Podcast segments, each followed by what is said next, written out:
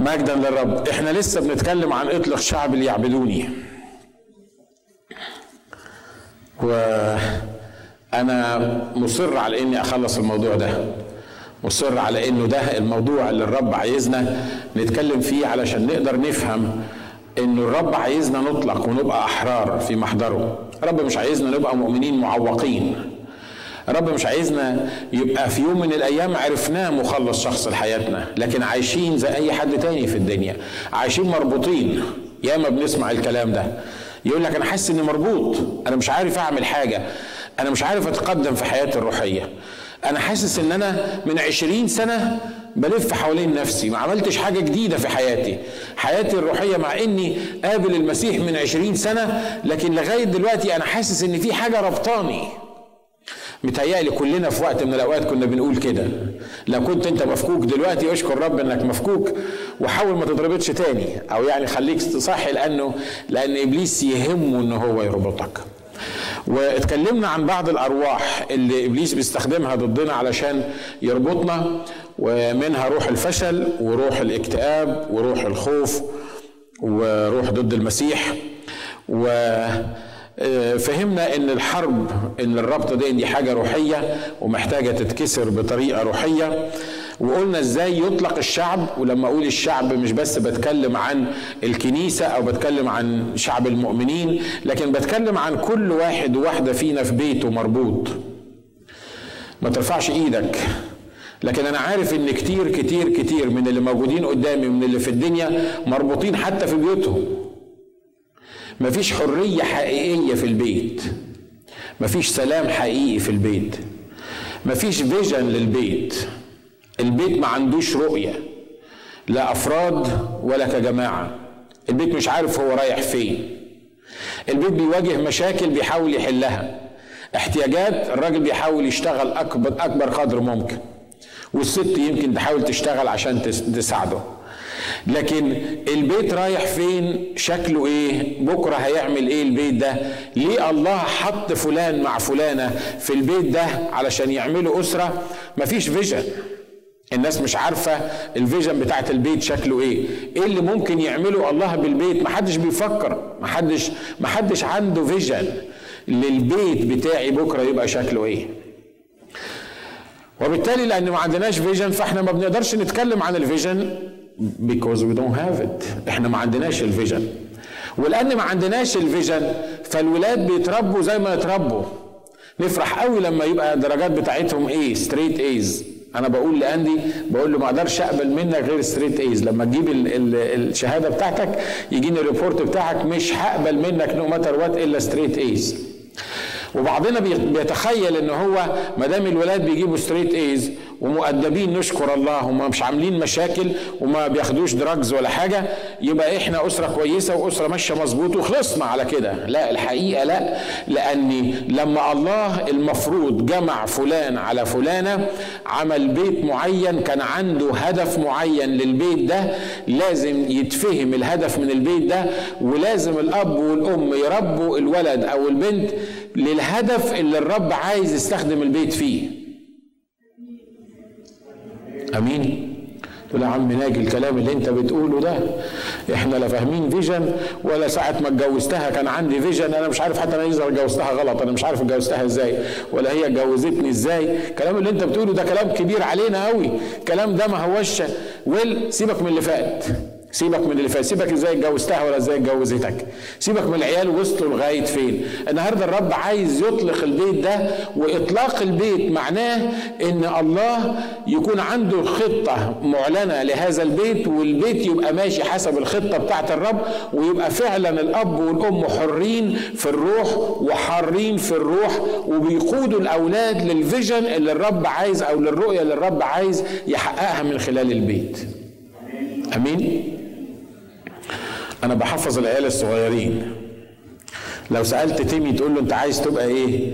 يقول لك قسيس ودكتور سنان. هو مش فاهم. لكن هو كده. هو حفظ وهو صغير إنه قسيس وإيه؟ ودكتور سنان.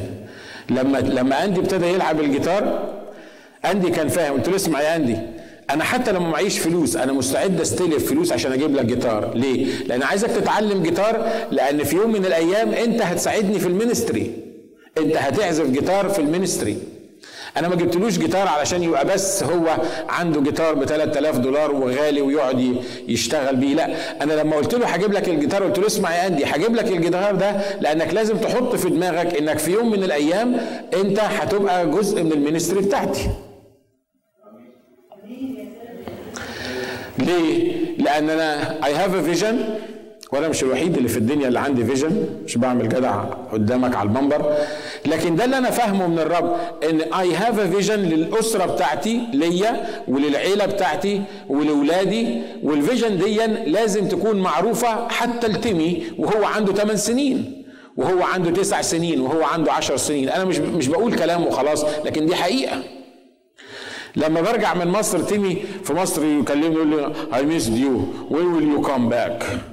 هو زعلان قوي كده إن أنا موجود في مصر. لما برجع أقول له تعالى تيمي عارف ربنا عمل إيه في مصر يا تيمي؟ ربنا عمل كذا وكذا وكذا. بحكي له كلام أنا متأكد إن هو مش فاهمه. هو لا فاهم يعني إيه جورنال الطريق ولا فاهم يعني إيه كنايس مفتوحة ولا فاهم يعني إيه بابا كان في السودان عمل مش عارف مين. لكن ده ما يخلينيش أقول ما هو مش فاهم. يبقى ما فيش داعي إنك أنت تقعد تضيع وقتك وتحكي معاه. لا هو لازم يسمع ال vision بتاعت بابا اللي هو جزء منها لأن هو جزء من ال family دي. لأن بعد كده لو الرب اتأنى في مجيء وما جاش أنا الرؤية بتاعتي إن ولادي ياخدوا ال vision بتاعتي ويكملوها يكملوا بابا في الأولاد الصغيرين. وتيمي لازم يسمع وتيمي لازم تقول لي ما هو مش فاهم مش مهم يفهم لكن مهم إن هو من وهو صغير ودانه مليانة بإن بابا سافر علشان يفتح كنايس في العراق ويفتح كنايس في الجزائر وبابا الرب نجاه في البلد الفلانية والرب أحسن إليه في البلد الفلانية وهو مش فاهم حاجة لكن في يوم من الأيام لما يبقى عنده 18 و19 سنة هيفتكر يمكن يفتكر شوية حاجات من اللي بابا قالها ما أقدرش أسيبه لما يعيش بمزاجه وبعد 16 سنة أقول له تعالى أفهمك الفيجن. أمين.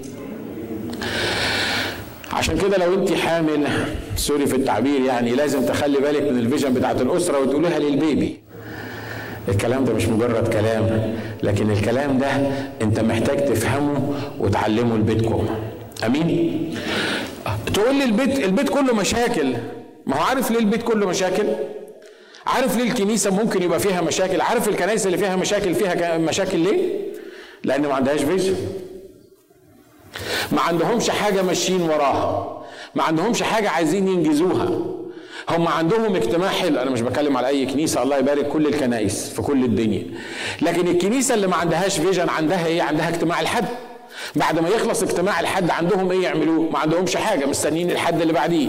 تفتكروا من يوم الاثنين ليوم الحد اللي بعديه هيعملوا إيه؟ يعملوا مشاكل.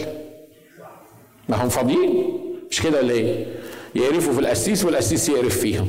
يتكلموا مع بعض وينموا بالتليفونات.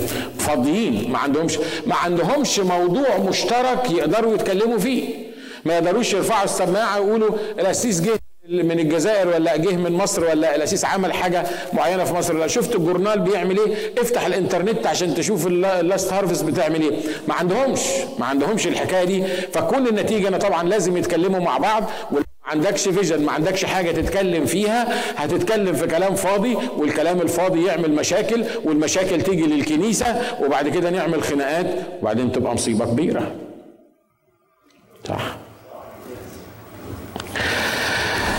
عشان كده الرب بيعلمنا إزاي إنه عايز يطلقنا من الحياة اللي ممكن تكون حياة متعبة بالنسبة لنا. قلنا إنه عشان يطلق الشعب لازم يحس بالحالة اللي هو موجود فيها واتكلمنا عنها كتير وقلنا إن في ناس ما بتحسش بالمصيبة اللي هي موجودة فيها. في ناس من كتر ما عاشت في مستوى معين وفي رابطة معينة فاكرة إن هو ده الطبيعي فاكرة إن هو ده الصح. فاكرين الحوت اللي كنا بنتكلم عليه المرة اللي فاتت؟ اللي بلع يونان؟ وقلنا إن يونان كان في بطن الحوت لمدة ثلاث أيام. بعد ثلاث أيام فاق عشان يصلي. ويقول له التف العشب بشعري وغرقت والحوت عمال ينزل ويطلع فيا زي ما كنا بنقول مرة. طب يا حبيبي ساعة ما بلعك بلعك الحوت ليه ما صليتش على طول أول ما دخلت في بطن الحوت قعد ثلاث أيام عشان يصلي؟ ليه؟ لأنه يظهر إنه ما كانش حاسس بالمأساة اللي موجود فيها. كان لازم يقعد ثلاث أيام في بطن الحوت عشان يقدر يحس بالمأساة اللي موجود فيها. وعشان الرب يطلقنا كأفراد أو كجماعات لازم نحس بالمشكلة اللي إحنا موجودين فيها. علشان الرب يطلقنا كافراد ودي حاجة جديدة هنتكلم فيها. لازم ما نقبلش أنصاف الحلول. لازم ما نقبلش أنصاف الحلول. إبليس دايما يدي لك أنصاف الحقائق ويخليك تقبل أنصاف الحق... ال... ال... ال... ال... الحلول. إبليس لما راح يجرب آدم وحواء قال لهم احقا قال الله لا تاكلها من كل شجر الجنة؟ وزي ما بنقول الله اتكلم آه قال لهم ما تاكلوش من الشجر آه. لكن خلي بالكم إبليس ضاف كلمة واحدة بس أو حرف واحد هو إيه؟ كل. ولما قال لهم كل شجر الجنة آدم قال له لا. قال له لا ده الكتاب بيقول من كل شجره أو حواء قالت له ده من كل شجر الجنة نأكل. أما شجرة معرفة الخير والشر التي في وسط الجنة لا نأكل منها. فابتدى يقول لهم لا ده الرب عارف إن يوم تأكل منها تنفتح اعينكما وتصير كالله أعطاهم أنصاف الحلول ووراهم إن الشجرة جيدة وبهجة للنظر وابتدوا ياكلوا منها وابتدوا يسقطوا. اللي بيعمله إبليس مع الشعب إن هو يخليهم يقبلوا أنصاف الحلول. معظم الشرق الأوسط متخيلين إن إحنا عندنا حرية. ليه؟ لأن قبلوا أنصاف الحلول. يعني إيه؟ يقول لك إحنا نشكر ربنا الكنيسة مفتوحة وعندنا حرية نعمل اجتماع. لكن الحقيقة دي مش حرية ده نصف الحل. لأن الرسالة بتاعت الكنيسة هي اذهبوا للعالم أجمع واكرزوا بالإنجيل للخليقة إيه؟ للخليقة كلها. لو الكنيسة ما طلعتش من بره أسوار الكنيسة وكرزت للناس اللي حواليها يبقى ما حققتش الهدف من وجودها. صح؟ ها؟ الرب ما قالش افتحوا المكان وهاتوا الناس واعملوا كنيسة يوم الحد الصبح وروحوا لغاية الحد اللي بعديه؟ لا. دعوة الكنيسة لما دعا التلاميذ قال لهم اذهبوا إلى العالم أجمع واكرزوا بالإنجيل للخليقة كلها من آمن واعتمد خلص لكن الكنيسة المساومة اللي بتحصل معاها النهاردة هي وخصوصا في بلادنا العربية هي أنتوا مش عايزين كنيسة؟ هنديكم كنيسة. مش عايزين تفتحوا مكان افتحوا المكان. عايزين تعملوا كم اجتماع في الأسبوع؟ اجتماع يوم الحد بالليل واجتماع الحد الصبح واجتماع درس الكتاب واجتماع الصلاة. أنتوا عايزين كده؟ هنديكم الأربع اجتماعات دي. روحوا اعملوا اعملوا كنيسة العبوا كنيسة لمدة الأسبوع ده. لكن اوعى تطلع بره الكنيسة عشان تتكلم عن المسيح. مش هو ده اللي بنعاني منه في بلادنا؟ ها؟ اوعى تطلع بره الكنيسة. وقلت لكم قبل كده القسيس اللي موجود في كنيسة معينة في العراق لما رحت بكلمه عن الناس اللي اتسجنوا اللي صدام حطهم في في السجن الراجل بيقول لي دول ما تحطوش في السجن علشان المسيح دول اتحطوا في السجن عشان أغبياء. بقول له أغبياء ليه؟ يا حضرة القسيس قال لي عشان بيبشروا. قلت له لا إله إلا الله أنت هتخليني أكفر؟ أمال أنتوا أمال أمال أمال يعني أنتوا بتعملوا إيه هنا في الكنيسة؟ قال لي لا. الحكومة بتقول التبشير في الكنيسة ما تطلعش بره الكنيسة. هم عايزين يأجروا قاعة بره الكنيسة وعايزين يوصلوا للناس بره الكنيسة. قلت له انت بتعمل إيه هنا؟ قال أنا ببشر في الكنيسة، قلت له عشان كده العدد عمال ينقص عندك. كل شوية ما أنت بشرتهم والناس عمالة تطفش. هو كلام في نفس اللي بتقوله وخلصنا والناس بتطفش. ابنوا أنصاف الحلول. لما كنا بندرس في سفر الخروج بنشوف هنا الشعب. موسى يخش للشعب يقول له اطلق شعبي. الأول قال له ما اعرفكمش ما أعرفش الرب. لما ابتدى ياخد الضربات راح جابه وقال له قال له طب اسمع روحوا أنتوا الرجالة اخدموا اعبدوا الرب اذبحوا للرب. يعني إيه؟ يعني خلي الستات والأولاد هنا والمواشي بتاعتكم. قال له لا ده إحنا نخرج بولادنا وبغنمنا وبفتياننا وبشبابنا لما الرب يطلقنا نطلق بالكامل. خلي بالك الرب لما يحرر بيتكم ما يحرروش في كورنر واحد بس أو في شغلانة واحدة. لأن الرب يا إما يملك الكل يا ما يملكش على الكل. أنت معايا؟ الرب عايز يعمل إيه؟ عايز يطلق البيت كله في الحرية. يعني إيه يطلق البيت كله في الحرية؟ يعني يخلي الراجل حر والست حرة والأولاد حرين بيستمتعوا بحرية روحية. عايز يتدخل في موضوع ال business وعايز يتدخل في موضوع العلاقة ال- ال- الأسرية وعايز يتدخل في كل أركان الحياة لأن الرب ما ينفعش تحطه في corner في البيت وتقول له أنا خلي بالك من الولاد. إنما أنا ومراتي علاقتنا هنتصرف فيها سوا. ما ينفعش. ما ينفعش. يا إما تبقى حر بالكامل وبيتكم حر بالكامل يا إما تبقى مستعبد بالكامل وكل ما في بيتكم مستعبد بالكامل. أمين؟ إبليس عايزنا نقبل أنصاف الحلول. يقول لك هي البنت كويسة يعني ما فيهاش مشكلة. هي بس ضربة شوية. ويعني بتنام بره ليلتين في الأسبوع. بس هي مؤدبة يعني هي مؤدبة وكويسة يعني. أنا مش عاجبني إنها تفضل ليلتين في الأسبوع تبقى بره لكن معلش. ما أنت عارف أمريكا. ما هو أصل إحنا في أمريكا ولازم نقبل الوضع اللي إحنا عايشين فيه في أمريكا.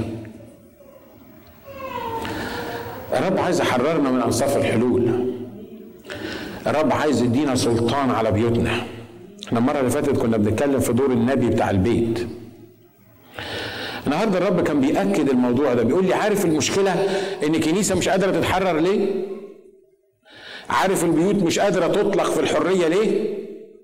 لأن أول شرط عشان يطلق الشعب في الحرية وعشان البيت يبقى فيه حرية لازم يبقى فيه نبي. أمين. الشيء المنطقي إن الشعب محبوس في مصر عند فرعون مش كده ولا إيه؟ فرعون ده رجل حرب عنده مركبات عنده جيش. لما الرب يحب يحرر الشعب من تحت إيد فرعون أنا لو أنا راجل بفكر وأنا اللي هختار الشخص اللي هيروح يحرر ال ال الأرض ويحرر الشعب من عند فرعون كنت أختار مين؟ أختار قائد عسكري محترم. ليه؟ لأنه هيخش حرب هيخش حرب ضد مركبات وهيخش حرب ضد جنود فرعون ومركباته الحديدية الرائعة دي فأنا كواحد بيفكر بدور على مين؟ بدور على واحد يقدر يقود جيش لكن الرب لما حب يحرر الشعب من أرض مصر دور على مين؟ دور على نبي دور على واحد يعرف يسمع دور على واحد يعرف يعمل علاقة معاه. لأن الرب لا يسر بالخيل لا يسر بالحرب هي للرب مش لينا إحنا. الرب مش عايز واحد عضلات يروح يحارب عنه لأن هو يقدر بكلمة واحدة يبيد الكل. لكن الرب علشان يطلق البيت أو عشان يطلق الشعب لازم يكون موجود إيه؟ لازم يكون موجود نبي. وللأسف الكنيسة النهاردة مش قابلة دور النبي. والبيت مش قادر يفهم يعني إيه أنا النبي بتاع البيت. علشان كده أنا موجود في قيد والكنيسة موجودة في قيد والكنيسة العامة موجودة في قيد وشعب الرب النهارده مقيد. ليه؟ عشان غياب دور النبي. يا ترى أنا قادر أوصل لك الفكرة اللي أنا بتكلم فيها؟ فهمني أنت الموضوع إيه؟ أصل الفكرة ليس بالقوة ولا بالقدرة الفكرة مش بالعضلات. الواد داوود الصغير ده أبو 17 سنة. هو دلوقتي كبر وبقي ملك لكن إحنا بنتكلم عنه لما كان 17 سنة. داوود ده اللي كان بيقعد يكتب المزامير ويقول جعلت الرب أمامي في كل حين. واضح إن كان في علاقة بينه وبين الرب مش كده؟ صمويل لما راح يرسم ملك كان متوقع إن الملك ده لازم يبقى طويل وعريض رجل حرب. ليه؟ لأنه هيخش يحارب عن شعب الله. عشان كده أول ما شاف الياب قال آه أمام الرب مسيحه. ليه؟ مين أطول من الياب؟ مين اعرض من الياب؟ ده راجل واضح إن هو يعني شخصية وجته ومدرب على الحرب. وإحنا عايزين الملك بتاعنا يكون إيه؟ عايزين الملك بتاعنا يكون رجل حرب عشان يقدر يحارب عننا ويخش ويخرج قدامنا. والرب يقول له لا أنا رفضته. أنا مش عايز ده. طب والتاني برضه رفضته. والتالت رفضته. ستة رفضهم. وبعدين بيسأل يسأل بيت لحم بيقول له هم خلصوا الولاد قال له ولاد مين؟ ما انت قدامك كل الناس. في الواد الصغير موجود مع الغنيمات القليلة هناك. قال له بص واضح إن الرب مش عايز الستة دول. وقال لي أنا متأكد إنه بعتني بيت يسل بيت لحمه عشان أرسم ولد من ولاده ملك. إحنا مش هنهدأ لغاية ما نجيب الولد. جه داوود 17 سنة أشقر جميل العينين. واد صغير 17 سنة حليوة كده دلوعة بتاعت الدنيا كلها. وأول ما دخل راح الرب قال لصمويل قوم حط عليه الزيت قوم حط عليه دهن المسحة. ليه؟ لأن هو ده اللي أنا اخترته. هو ده اللي هيخش قدام شعبك هو ده اللي هيخلص شعبك. هو ده اللي هيعمل هيعمل ديفرنس هيعمل اختلاف في الشعب. هو ده اللي هيطلق الشعب. قال آه وأنا حسبت لك الكلام ده. لما راح داوود يقف قدام جلياد شاول بيفكر عايز رجل حرب. جابوه له. قالوا له الأخ ده الولد ده بيقولوا إنه ممكن يموت جلياد بص له كده من فوق لتحت. قال لهم ويل ما إحنا كلنا خايفين. فيمكن هو يكون الرب على إيده يسند طب لبسوه. لبسوه الحلة. يقول لك لبسوا داوود الحلة بتاعت الحرب البدلة بتاعت الحرب. كان عامل زي فطوطة يظهر. عارفين مش عارف يمشي. ليه؟ لأنه لم يجرب. لأن البتاع مش بدلة. لا ده ده بدلة وحزام ربط ودرع مش عارف شكله إيه. شكله شكله راجل يعني رجل حرب دلوقتي لكن الحقيقة لا. والرب بص عليه وكأن الحديث ده داره بينه وبين داوود وقال له مين قال لك البس البدلة بتاعت الحرب دي؟ أنا مش عايز محارب. أنا عايز نبي أنت عارف داوود تغلب على جليات إزاي؟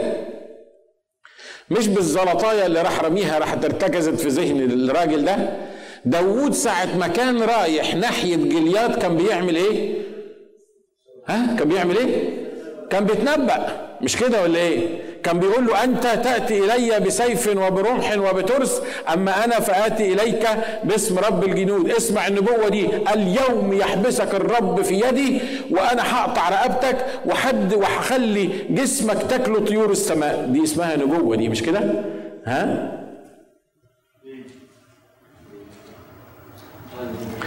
ولما كنتش تعرف تتنبأ زي ما كنا بنقول المرة اللي فاتت بيتكم لا يمكن يمشي صح.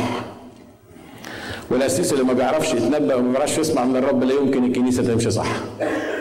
I don't care معاك فلوس قد إيه؟ بتضحك على الناس بإيه؟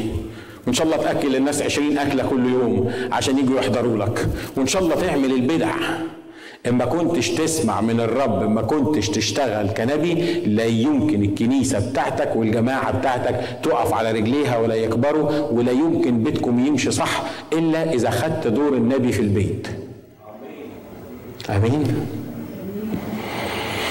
آمين. خلي بالكم من حاجة مهمة كمان.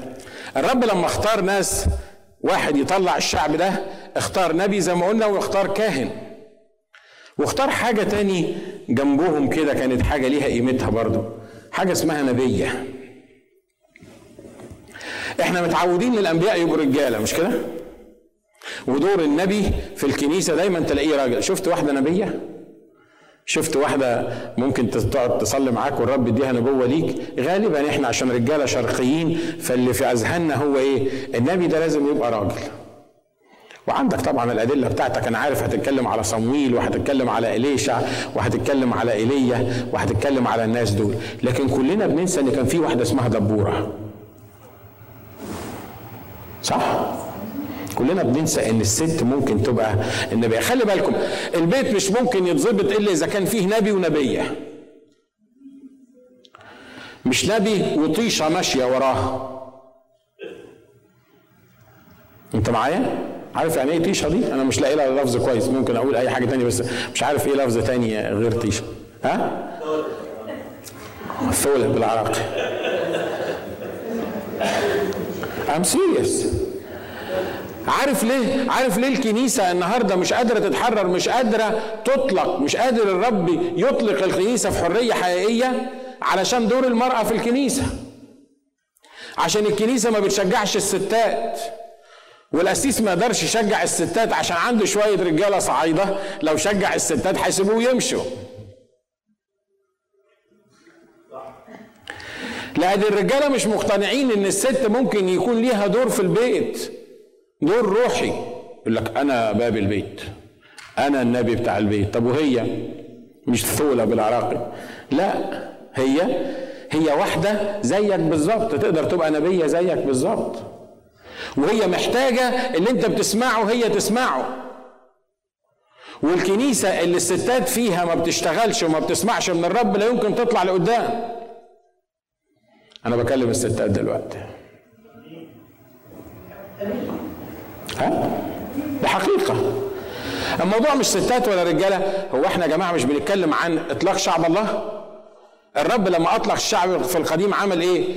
خلى مريم باسمها مريم النبية. يقول لك وأخذت مريم النبية الدفوف وكانت بترنم مع الستات وبتقول رنموا للرب لأنه قد تعظم الفرس وراكبه ترحمة إيه؟ ترحمة في البحر. إحنا كل اللي فاكرينه عن مريم في القصة دي إنها نمت على موسى راح ربنا ضربها بالبرص وخلى المحلة كلها قعدت متعطلة لمدة سبعة أيام. ما هو ده دور الستات؟ مشورة المرأة لو دفعت تأخر البيت سنة. شو ده الرجاله الرجالة بيقولوه؟ ها؟ عايز أقول لك ما فيش راجل الرب بيستخدمه في الخدمة ما كانش وراه واحدة نبية مساوية ليه. مش ممكن تلاقي راجل ناجح في الخدمة من غير واحدة وراه بتشجعه وتقف معاه. أمين؟ بما فيهم أنا. بما فيهم أنا عشان كده أنا عايزك تفهم هو البيت مش مش بيطلق ليه؟ لأن البيت في لا فيه نبي ولا فيه نبية. البيت فيه واحد طول عمره سكران واحدة شايلة الطين. هما الاثنين البيت واحد بيشتغل ليل ونهار لأن هو متخيل إنه عشان عشان البيت يبقى مظبوط لازم يجيب أكبر كمية ممكنة من الفلوس. وواحدة مرزوعة في البيت ما بتعملش حاجة قاعدة مستنياه. وبالتالي العيال طالعين لاسعين. صح؟ لاسعين دي يعني كوكو يعني حتى ما كانوش لاسعين في دماغهم لاسعين في نفسياتهم ولاسعين في تفكيرهم ولس... ليه؟ لأن البيت مش مش مطلق في الحرية، البيت ما فيهوش حرية. البيت البيت ما فيهوش الرب، البيت ما فيهوش نبي يسمع من الرب، لما بتحصل مشكلة الراجل بيقول حاجة والست بتقول عكسها، والراجل يتخانق مع الست والست تتخانق مع الراجل، ونشوف مين اللي يغلب، والعيال مرات يبقوا في صف الراجل ومرات يبقوا في صف الست لغاية ما بيزهقوا من الراجل والست فبيطفشوا هم كمان. مش ده الواقع اللي إحنا عايشين فيه؟ ها؟ الفكرة هي إن عشان البيت يتحرر عشان الكنيسة تتحرر عشان أي منستر تتحرر لازم نفهم إن يبقى فيه دور للنبي ودور للنبية. الكنيسة لا يمكن تكبر إن ما كانش الستات تعمل الدور اللي عليها. الكنيسة اللي الستات فيها تقعد وبس وتسمع كلام الرجالة وبس وتنفذ اللي يتقال لها وبس لا يمكن تطلع لقدام. أنا مش عايزك بقى تروحي تشمري عن سواعدك وتقولي حوريهم الرجالة دول. ليه؟ ما هو القسيس كان بيوعظ وقال إن أنا عليا دور والرجالة دول عمرهم ما سمحوا لي ان أنا أعمل حاجة أنا لازم أدفع الرجالة الثمن no no. no we are one family وال family اللي ما فيهاش راجل بيتصرف صح وست بتتصرف صح. راجل بيسمع من الرب وست بتسمع من الرب. لا يمكن ال family دي تطلع لقدام وتتقدم ever أمين؟ تقول لي طب أعمل إيه في مراتي؟ ولا أعمل إيه في جوزي؟ أحسن حاجة طلقه لأنه معطلني ومعطلاني. لا. لو كان الرب عطالك دور النبي أو عطالك دور النبي صلي عشانه تنبأ عليه. أنت معايا؟ يعني إيه تنبأ عليه؟ واحدة مؤمنة جوزها غير مؤمن. أنا أقول لك نصيحة. وهو طالع الصبح تقول له باسم الرب يسوع أنت هتقابل يسوع النهارده.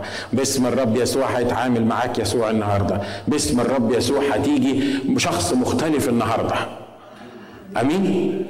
لما يخش حتى لو دخل وهو مجنون تقولوا له باسم الرب يسوع. حتى لو جيت وانت مجنون أنا لسه بقدمك للرب يسوع. وأنا بتنبأ عليك إن النهارده إن الرب يسوع يغير حياتك وإن الرب يسوع يفكك من القمار وإن الرب يسوع يفكك من من الخمرة وإن الرب يسوع يفكك من الربط دون وإن الرب يسوع يفكك من إنك مش لاقي شغل وإن الرب يسوع يفكك من الأفكار السيئة اللي أنت موجود فيها. اعملي كده ليل ونهار مع جوزك وتعالي بعد شهر قولي لي جوزك شكله إيه. آمين. أنا ما بتكلمش على شعب إسرائيل.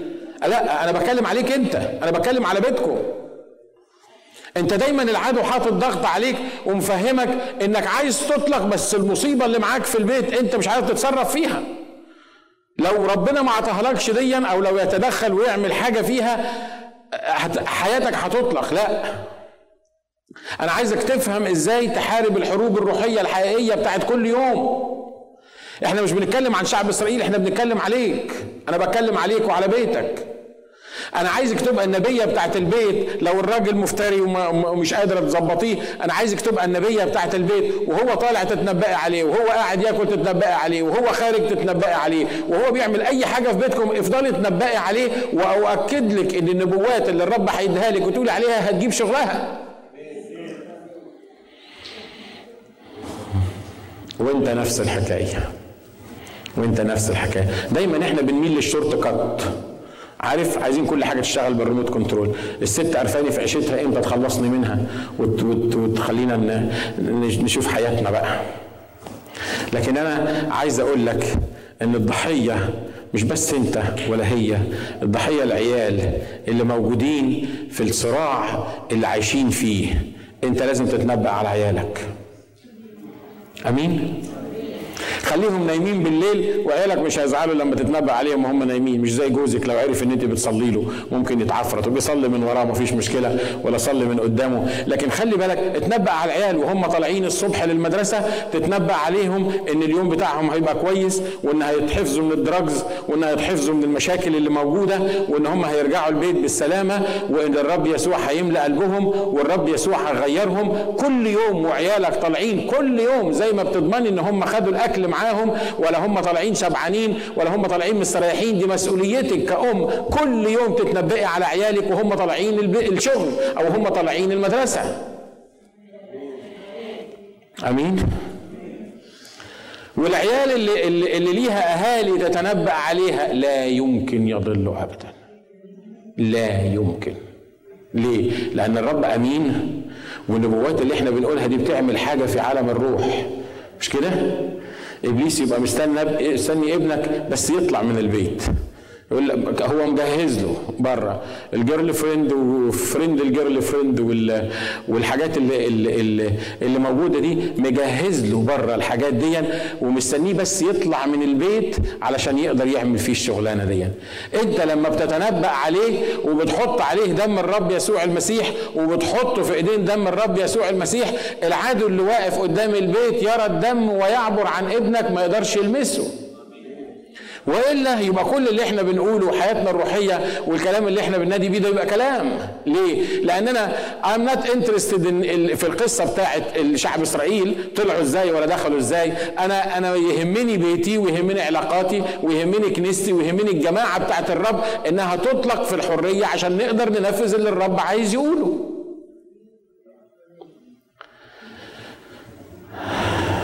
حد ربنا بيكلمه في الموضوع ده؟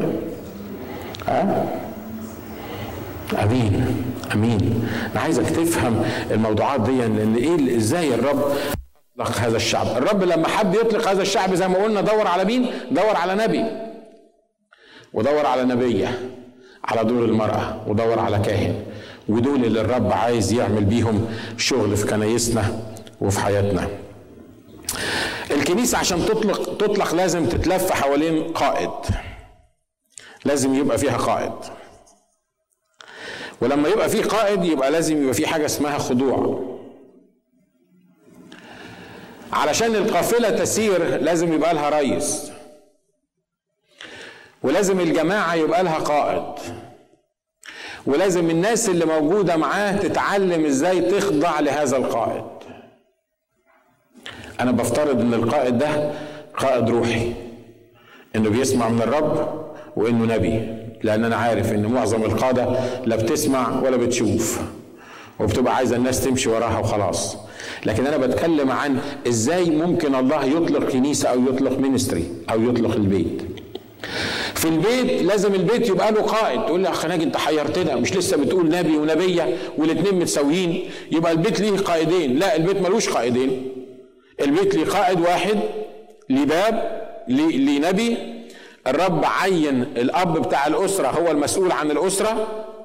لكن الأم أو أو الطرف الثاني لا يقل أهمية عن عنه. لكن العيلة كلها ماشية تحت قائد واحد خاضعة لقائد واحد.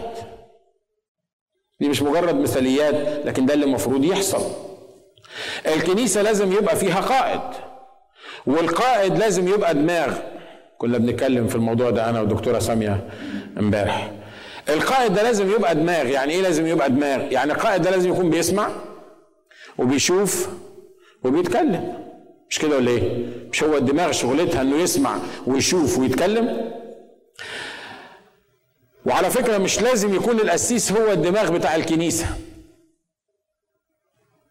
أنا عارف إن الشريط ده لو وقع في إيدين الأسس يقول لك أنت باين عليك ناوي تخرب علينا. أنت هتخلي الإخوة يتمردوا علينا. أنا ما يهمنيش الكنيسة بتاعتك أنا يهمني اللي الرب بيقوله. القائد أو القسيس بتاع الكنيسة ممكن يكون مش الرب هو يا ريت يبقى دماغ يا ريت بيبقى بيسمع وبيشوف وبيتكلم يا ريت. لكن مش كل كنيسة الرب حط فيها القسيس عبارة عن دماغ يسمع ويشوف ويتكلم. مرات القسيس بيبقى راعي بيرعى الكنيسة. بيبقى عنده قلب راعي قلب الأب اللي ممكن يقضي وقت مع ابنه ساعتين ثلاثة أربعة خمسة. لكن بيبقى محتاج في الكنيسة نبي واحد بيتكلم واحد بيسمع. أنتوا معايا؟ الموضوع ده مهم بالنسبة لكم ولا؟ ها؟ الكنيسة المبنية صح مبنية على الخمسة اوفيسز اللي الرب قال عنها على النبي والمعلم والواعظ والراعي مبنية على دايفرستي زي ما بيقولوا مبنية على كل واحد في الكنيسة عنده شغلانة معينة. ممكن أكون الراعي بتاع الكنيسة لكن الرب بيستخدم واحد تاني في إنه يسمعني صوته من خلال شخص تاني. ده ما يقللش من مكانتي أنا كأسيس الكنيسة أو كقائد في الكنيسة لكن الرب ممكن يختار واحد تاني يتكلم معاه ولما يتكلم معاه يجي يقول لنا وإحنا المفروض نمشي وراه. أمين؟ أنا ما بعرفش أعمل كرازة زي نصكم. في ناس فيكم بتروح تكلم الناس عن المسيح وده مش تواضع يعني ولا بتاع. بتكلم الناس عن المسيح عشر جمل تبص تلاقي الراجل تصلي معايا يقول لك آه أصلي معاكي أو أصلي معاك. أنا يمكن أقعد أتكلم ساعتين ويمكن كل عشر أكلمهم واحد بس يقبل المسيح. ليه؟ عشان أنا مش كارز. عشان ربنا ما حطنيش في الجسد كارز. أنا ما أقدرش أقف أمسك يافطة وأقف فيها في الشارع عشان أقول Jesus loves you عشان واحد يجي يتكلم معايا عشان أكلمه عن المسيح. ده مش كبرياء لكن أنا ما أعرفش أعمل الحكاية دي. ما أعرفش. ما أعرفش أعمل الحكاية دي. ما أعرفش أروح أخبط على باب بيت بيت وأقول له تعالى أكلمك عن المسيح. يقول له أمال قسيس إزاي؟ ويقول أنا قسيس بس ما أعرفش. لكن أنت تعرف أنت تقدر تروح. دي موهبتك من الرب.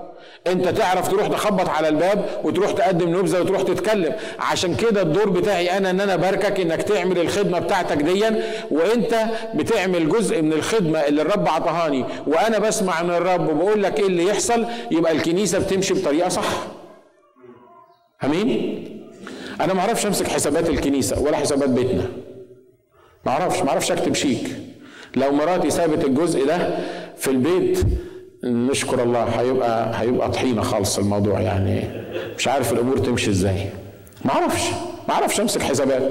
لو كانت غصون هنا ولا نادر ولا ولا سهيل يقولوا لكم على اللخبطة الرهيبة اللي ممكن أعملها في الحسابات. اتصلوا بيا يقولوا لي هو الشيك اللي أنت كاتبه ده كان أنا ما بكتبش شيكات. الشيك اللي أنت كاتبه ده كان هو أنت عارف عندنا في الحساب قد إيه؟ أنا مش عارف عندنا في الحساب في الكنيسة قد إيه بس أنا عارف إن لينا إله غني بيسدد كل احتياجاتنا.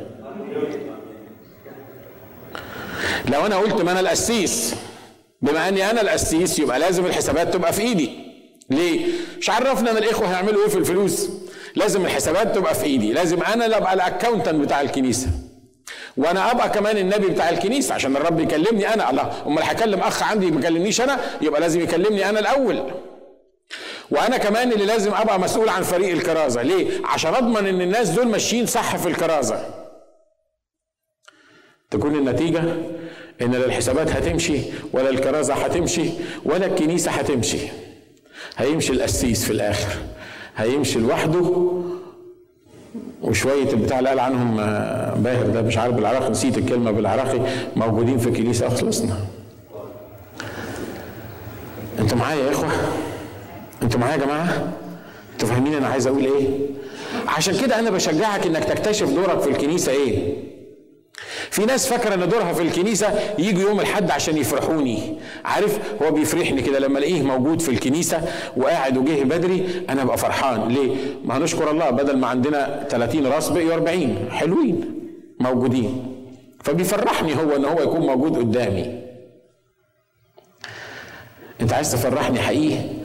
وعايز تفرح قلب الرب شوف الخدمة اللي الرب عطاها لك المسحة اللي الرب عطاها لك وابتدي اتحرك فيها وابتدي function آه، آه، فيها اعمل حاجة فيها وتكون النتيجة إن أنا وأنت وأنت وأنا بنحقق ال plan بتاعت الرب وبيطلق وبتطلق الكنيسة في حرية حقيقية. آمين؟ تقول أصل أنا ما بعرفش أعمل أي حاجة. ما بتعرفش تكنس الكاربت ما بتعرفش ما بتعرفش تعمل أي حاجة ما بتعرفش ترص الكراسي. ما بتعرفش تيجي بدري وتقف ولما حد يخش الكنيسة تبتسم في وشه كده ابتسامة كويسة عشان يحس إنك أنت مبتسم وإن الكنيسة دي فيها ناس فرحانين. أنا مش عايز كل الناس يمسكوا آلات ويطلعوا على المنبر أنا ما بعرفش أعزف آلة. مش عايز كل الناس يبقوا مرنمين. طبعا مش عايز كل الناس يبقوا وعاظ لكن أنا عايز كل واحد يبقى له خدمة. كل واحد يبقى له فيجن كل واحد يعمل حاجة أمين الكنيسة لازم تلتف حوالين قائد مرة عشرة هقول إن القائد بتاع الكنيسة لما بيقف قدام الله أنت مسؤول إنك تخضع للقائد بتاع الكنيسة. والقائد بتاع الكنيسة مسؤول إنه ياخد من الرب بطريقة صح ويتكلم معاك بطريقة صح ويوجهك بطريقة صح. بغض النظر بقى عن القادة اللي ماشيين شمال ولا الناس اللي ماشيين يمين. تقول لي كله إلا مبدأ الخضوع ده. كله إلا مبدأ الخضوع ده. ليه؟ لأن إحنا عرب والرجاله العرب دايما كلنا رجالة عارف؟ والراجل مش المفروض يخضع لحد. الراجل لازم يثبت ان هو راجل. يعني أنت القسيس لكن أنا كمان الأخ اللي موجود في الكنيسة. زي ما أنت بتشتغل أنا أشتغل. زي ما أنت بتعمل أنا بعمل. زي ما أنت ريس أنا ريس. محدش فينا أحسن من حد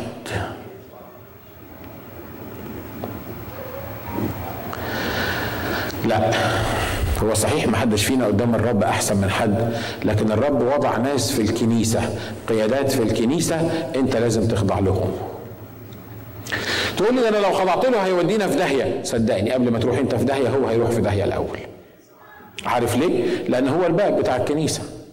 صح؟ أنا دايما بقول للشباب كده. بقول للشباب لو الرب حطني مسؤول في الكنيسة ديا يبقى أول واحد هيتبارك في الكنيسة لما يحصل فيها حاجة صح هو مين؟ أنا لأن أنا اللي محطوط الباب في الكنيسة لما تحصل حاجة غلط في الكنيسة أول واحد هيدفع ثمنها مين؟ برضو أنا طبعا الأسس مش عايزين كده. عايزين البركة أول واحد يتبارك لكن العقاب آخر واحد يتعاقب. البركة شفتوا الكنيسة بتاعتي حلوة إزاي؟ لكن العقاب أقول الاخوه أعمل لهم إيه؟ ما هم اللي ما بيسمعوش الكلام. أنا دايما متصدر في البركة ومسحوب في المشاكل. ما ينفعش. ما ينفعش. لو أنت الباب بتاع الكنيسة البركة هتخش منك والعقاب هيخش منك. واضح الكلام ده؟ الشباب مش أنتوا سمعتوا مني الكلام ده أكتر من مرة قبل كده؟ ها؟ عشرين مرة قبل كده. عشان كده لما بيبقى في قرار لازم يتاخد في الكنيسة وبقول هنعمل كذا. بيجي واحد يقول لي ما نقدرش نعمل كده. بقول له لا أنا قلت إنه هيحصل كذا يبقى يحصل كذا. طب وبعدين لو حصلت مشكلة أنا اللي واقف قدام الرب أنا اللي هتحاسب الأول.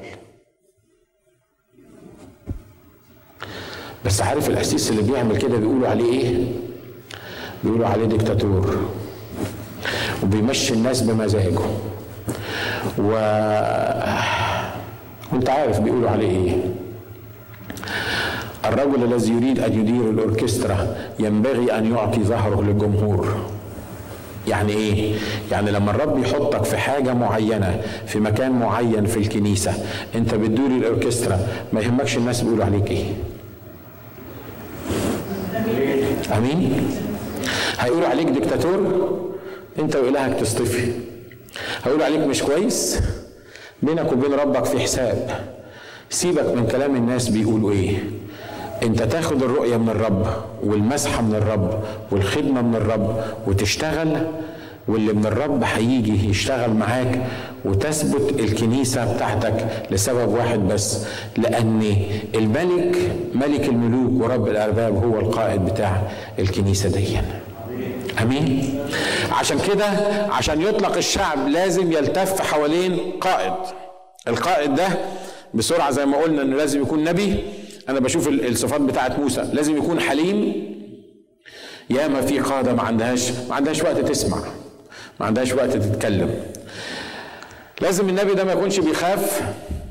موسى بيخش لفرعون يقول له إيه؟ يقول له اطلق شعبي. الرب بيقول اطلق شعبي. يقول له مين هو الرب؟ يقول له ما كنتش تطلق شعبي هخلي الدبان يملى أرضك. اما كنتش تطلق شعبي النهارده بالليل هموت ابنك البكر. ال ال القائد أو النبي اللي الرب بيحطه حاجة أساسية من اللي بيعمله وأنا هختم بالموضوع ده إنه يقدر يقف قدام العدو. إنه لما يلاقي العدو جاي ما يجريش ما يهربش ما يقولش الجري نص الجدعنة. آه إحنا أنا مالي؟ آه آه. أنا قائد بس لما اكون لما يكون في حاجة حلوة بس لما أكون أنا نبي لما يكون في كرامة بس. لكن لما يحصل حرب على الكنيسة أو لما تحصل حرب على الجماعة أنا ماليش دعوة. لا. القائد اللي الرب عايز يحطه سواء في بيتكم أو في غير بيتكم هو الشخص الراجل النبي أو القائد اللي عايز الرب يحطه في البيت يعرف يواجه المشاكل. ياما في رجالة ما بتواجهش المشاكل في البيوت. مش كده؟ هو راجل ينطر ويشخط وتعالي يا بت وروح يا بت وهات يا بت وسوي يا بت ولما تطلع مشكلة يقول لها حل يا بت. بيحصل. ها؟ بيحصل. لكن اللي الرب عايز يعمله سواء في المينستري أو سواء في البيت أو سواء في الكنيسة إن يبقى في ناس تقدر تقف في الثغر الكتاب بيقول وطلبت من بينهم إيه؟ رجل. راجل واحد يقف في الثغر أمامي عشان ما أهلكش الأرض. لقى ولا ما لقاش؟ ما لقاش. هو كان فين كل الرجالة اللي موجودين؟ I don't know مش موجودين. النبي اللي الرب يستخدمه سواء في البيت أو في ال ministry أو في الكنيسة هو الشخص اللي يقدر يخش قدام فرعون. هو مش الشخص الخواف اللي ما يقدرش يتحرك في الأمور الروحية أو في الحرب الروحية. لا هو مش المتهور كمان اللي بيشتغل بالجسد لأن أسلحة محاربتنا ليست جسدية لكن أسلحة روحية قادرة على هدم الحصون الراجل دون هو اللي يقدر يقف في الثغر عن البيت. لما يلاقي العدو جاي عن البيت هو أول واحد يقف عن البيت مش أول واحد يجري من البيت. أمين؟ أنا خلصت شطبت. عارفين الكنايس ليه؟ لما لما بتعترضهم مشكلة الكنيسة عادة بتخرب. عارف ليه؟ لأن محدش عايز يواجه مشكله محدش عايز الناس كلها بتدور وتلف حوالين المشكلة. محدش قادر يقف قدام الشخص اللي بيعمل الغلط ويشاور ويحط صباعه في عينه ويقول له أنت بتعمل حاجة غلط. ليه؟ أصله غني. ولو عملت الكلمتين دول ده عنده عيلة كبيرة في الكنيسة. لو أنا عملت له الكلمتين دول هياخد العيلة ويمشي. لو خد العيلة ومشي يبقى كنيسة نشكر الله. تلتينها هنقفل إحنا بقى لأن العيلة دي كبيرة. مش بتكلم على عيلة معينة. ربنا يبارك كل العائلات الكبيرة اللي في الكنيسة. لكن خلي بالك إنه إيه؟ إنه القسيس خايف يواجه الموقف ليه؟ لأحسن الراجل يمشي. مش هو ده اللي بنعاني منه؟ من كنايسنا العربية؟ ها؟ عشان كده لازم تحاول ترضيه وترضي اللي جنبه وترضي اللي جنبيه. بتحاول. ويقول لك دي الحكمة. لا. البيت مش ممكن يطلق إلا لما نواجه المشاكل اللي إحنا بنمر بيها. ما نقدرش ندفن دماغنا في الرمل ويبقى متخيلين إن الرب هيتمجد ويحل المشاكل. لا الرب ما بيحلش المشاكل إلا لما أنت تقف في الثغر وتقف تواجه فرعون وتقول له اطلق شعبي ليعبدوني. أنتوا معايا؟ فاكرين الراجل هيرودس بتاع زمان اللي كان عايز يتجوز مرات أخوه؟ يوحنا المعمدان يوحنا المعمدان عمل إيه؟ راح له قال له لا يحل لك. انت انت انت جنيت ولا إيه؟ انت بتكلم الملك. انت بتكلم الشخص اللي ممكن يقطع رقبتك. I don't care ما يقطع رقبتي. حتى لو قطع رقبتي أنا عارف إن رقبتي مش هتتقطع إلا بأمر منه. لكن ده اللي يقدر يقف قدام الملك ويقول له لا يحل لك إنك تعمل كده. أمين؟ ها؟ البيت يتحرر إمتى؟ لما يلاقي راجل لما يلاقي ست يواجه المشكلة يشوف المشكلة يفهم المشكلة يتعامل مع المشكلة. لكن لما تهرب من المشكلة المشكلة تفضل والمشكلة تسوء والمشكلة تعمل لك مشكلة تاني وتلاقي نفسك مش قادر تقف على رجليك وإبليس يربطك بالمنطق وبكلام الناس وبإن ده مش ممكن يحصل. اطلق شعب ليعبدوني الرب عايزك تواجه المشكلة اللي موجودة عندك. الرب عايزك تواجه المشكلة اللي موجودة في بيتك. أنا أنا خايف أتكلم أخ ناجي. أنت ما تعرفش الشعنونة اللي معايا في البيت. أنا لو اتكلمت في الموضوع ده هتبقى مصيبة. عشان كده خلينا نمشيها وخلاص. هي عايزة إيه؟ اللي عايزاه نعمله لها. ولا هي تقول لك هو أنا ناقصة مشاكل؟ ده هو متعفرت من غير ما أكلمه. أنا لو كلمته هيقلب عليا الدنيا. خلينا ماشيين زي ما إحنا وخلاص آه خلينا ماشيين في القيود وخلينا ماشيين في في, في البيت الخربان وخلينا ماشيين بطريقة مش مظبوطة ومش عارفين الولاد بيعملوا إيه بره بس خلينا ساكتين لأحسن. لو أنا اتكلمت في الموضوع البيت هيولع. دي خدعة شيطانية إبليسية من إبليس عشان يخليكي مربوطة وعايشة الربطة اللي أنت مربوطة فيها. أمين. أمال المطلوب هو إيه؟ المطلوب إنك تواجه المشكلة بطريقة روحية مظبوطة.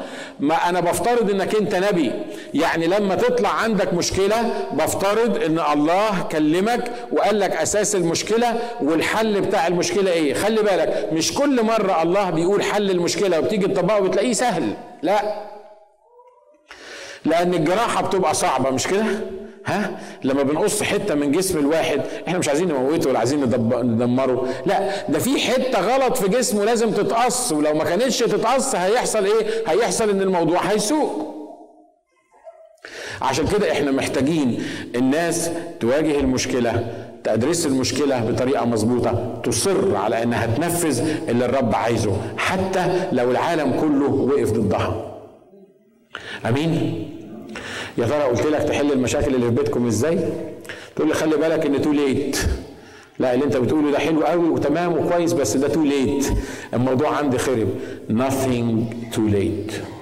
فيش حاجة اسمها too late في حاجة اسمها إنك تاخد الدور اللي الرب عطاهولك النهارده وأنت تاخد الدور اللي الرب عطاهولك في البيت.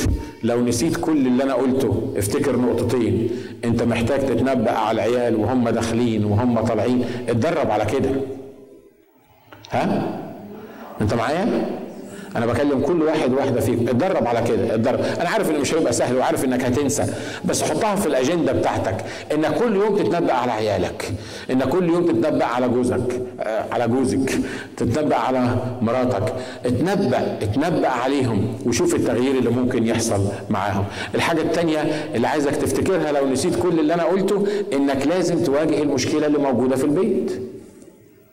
ما تدفنش دماغك في الرمل. ما تفكرش إن المشكلة هتتحل لوحدها. لا فرعون مش هيطلق الشعب ابدا لوحده. فرعون لا يمكن يطلق الشعب. فرعون عايز واحد يخش جوه يتنبأ قدامه ويأمره باسم الرب ويقول له اطلق شعبي ليعبدوني. لأنه لو ما حصلش كده الشعب مش هيطلق. أمين؟ أنت محتاج تقف قدام العدو. مش تقف قدام مراتك ولا جوزك.